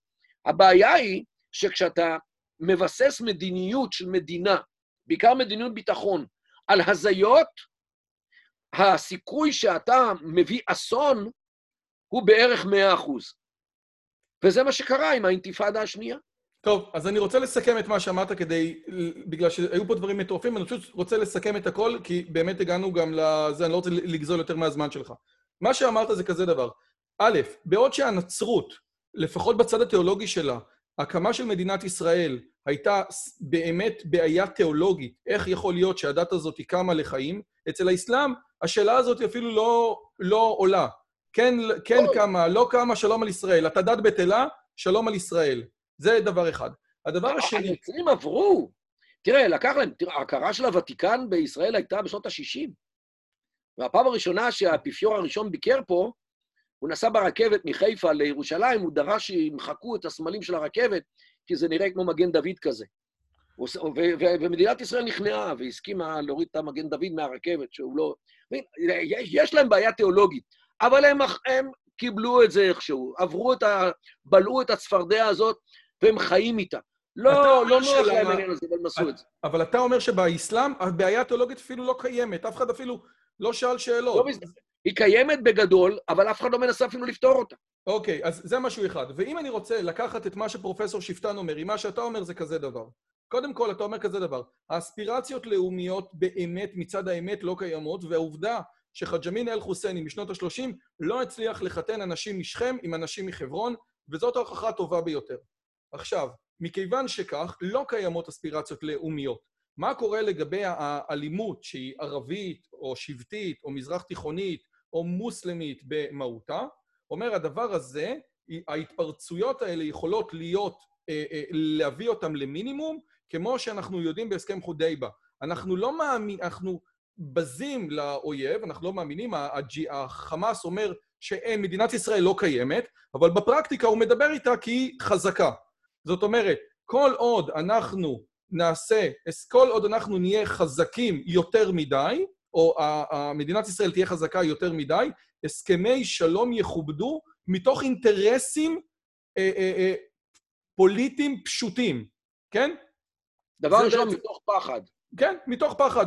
ואם אני שאלתי בתחילת הריאיון איך הקורונה יכולה ל...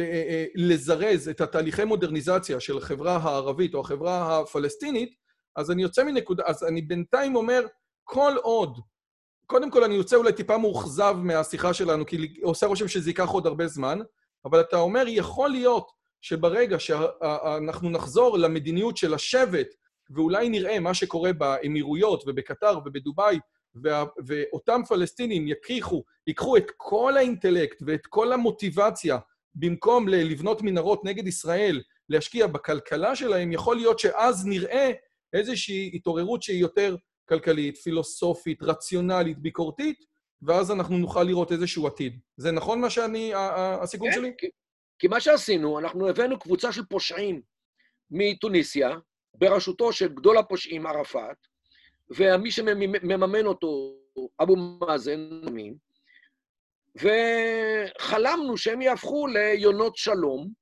ויטפלו בחמאס ובג'יהאד, בלי, בלי, בלי אה, בגז ובלי בצלם.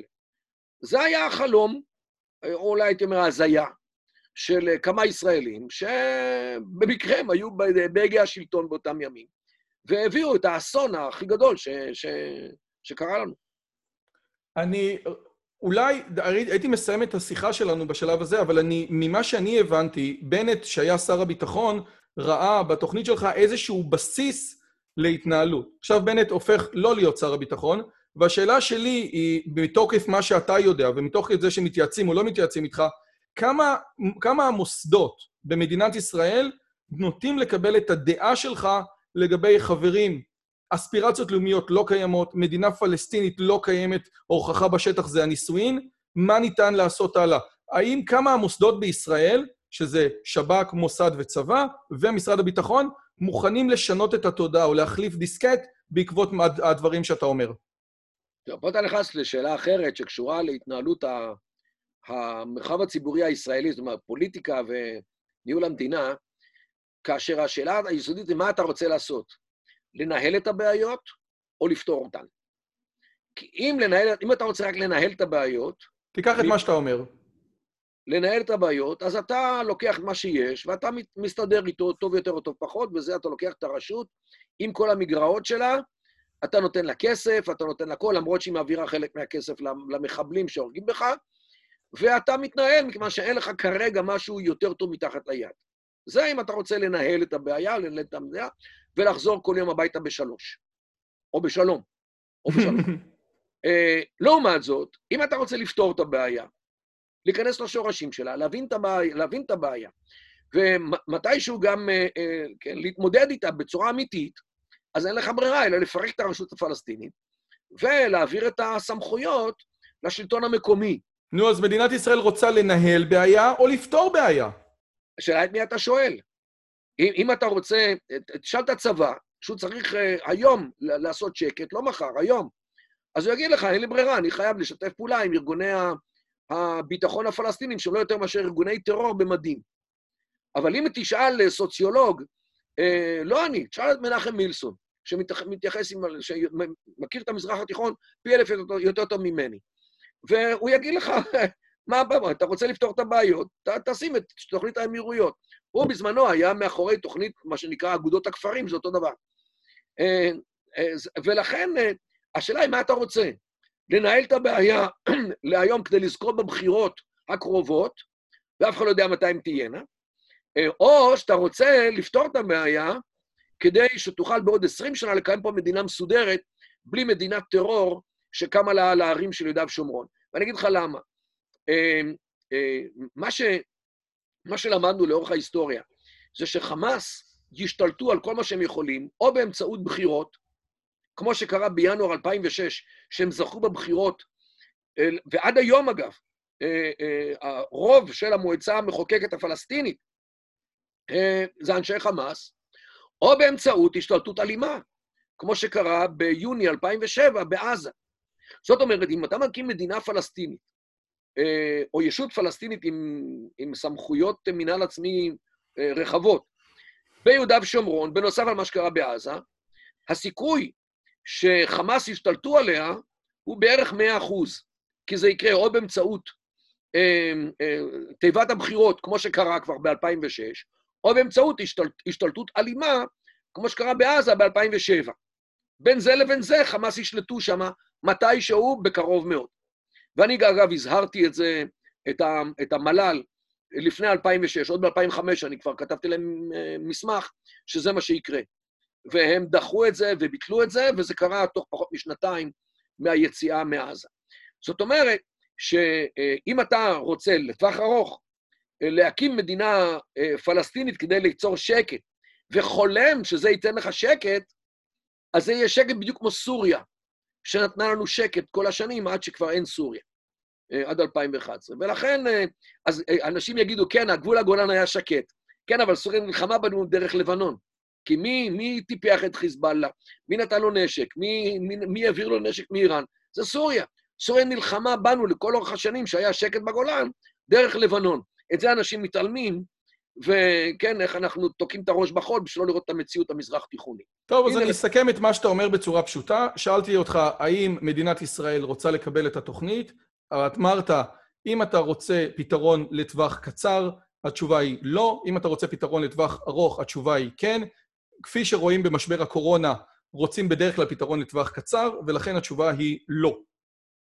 תראה, כפי שרואים בכל דבר במדינה הזאת, פוליטיקאי כל בוקר פותח את החלון, רואה לאן נושבת הרוח, פעם זה מהתקשורת, פעם זה מהכלכלה, פעם זה מאמריקה, פעם זה מאירופה, ומחליט על המדיניות שתינקט באותו יום. למחרת הוא יפתח בבוקר עוד פעם את החלון, יבדוק את הרוח. דוקטור קידר, אני רוצה לסכם את השיחה שלנו... יקרא לזה, כן. הוא יקרא לזה גמישות. גמישות. אני רוצה לסכם את השיחה שלנו במשפט שכתב חוקר יהודי אה, בן המאה ה-19, איטלקי, שקוראים לו הרב אליהו בן אמוזג, שכתב ספר שנקרא מוסר יהודי אל מול מוסר נוצרי, ויש לו פרק אחד על האסלאם. בפרק, בספר הוא מדבר על, ה, על, על, על, על המוסר הנוצרי לעומת המוסר היהודי, כאשר ישו לקח מהיהדות את הצד של הרחמים, והוא אומר את הדברים הבאים: מוחמד שהגיע בערב ולא הכיר את הצד, לא הכיר את היהדות כמו שישו הכיר, יכול היה להכיר את העבריות רק מהצד הגלוי לעין. רק מה שנקרא, אה, מה שהוא אומר, אה, אה, האסלאם אימץ מתוך היהדות את הצד החברתי והאריסטוקרטי, בעוד שהנצרות העדיפה לדבוק בצד הדתי והמטאפיזי. רועי, רועי, תעשה, תעשה רגע פוז, אני חייב פה להפסיק רק שנייה. רגע, שנייה, הנה. היי, גבי. האסלאם אימץ מתוך היהדות את הצד החברתי-אריסטוקרטי, בעוד שהנצרות העדיפה לדבוק בצד הדתי. הדת האחת, כשהיא דחתה את החלק הרוחני של היהדות, דרדרה את המדיניות לברבריות, בעוד שהשנייה, מתוך מרחקה מחיי החברה, הייתה לדת סגפנית.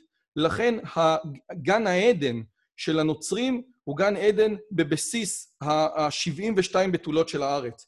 ובתוך הנושא האסלאמי יש את המשהו הברברי שהוא אינהרנטי בתוך המערכת, ולא רק זה, אלא גם עם, עם, עם, עם קהות לסבל, כמו שאתה מדבר בכמה וכמה הרצאות שלך. והדרך היחידה להתנהל מול זה, זה להיות חזק יותר מדי למשך הרבה מאוד זמן. אז... אני לגבי הברבריות, אה, אה, לא, לא ברור, כי אני, כשאתה מסתכל על ההיסטוריה הנוצרית או האירופאית, אני לא בטוח שהברבריות שם הייתה, הייתה פחותה. רק תראה את מלחמת העולם השנייה והראשונה, אה, כן, מה, 70 מיליון בני אדם מתו יחד עם שישה מיליון יהודים. אה, לא היה כזה דבר בעולם האסלאמי. לכן, אה, לבוא ולהגיד שהאירופאים מתורבתים והאסלאם הוא ברברי, זה לא עומד במבחן המציאות. אבל בסדר, יש כל מיני תכונות שונות בין העולם הנוצרי לעולם האסלאמי. זה בהחלט יכול להיות נושא לדיון שלם בהזדמנות אחרת. ואני מאוד מודה לך על הבמה שנתת לי כאן. דוקטור מרדכי קדר, תודה רבה. זה היה מרתק ממש ממש ממש. תודה רבה על הזמן שלך, ותודה רבה לכולם. אה, וזהו, אנחנו ניפגש בסרטון הבא.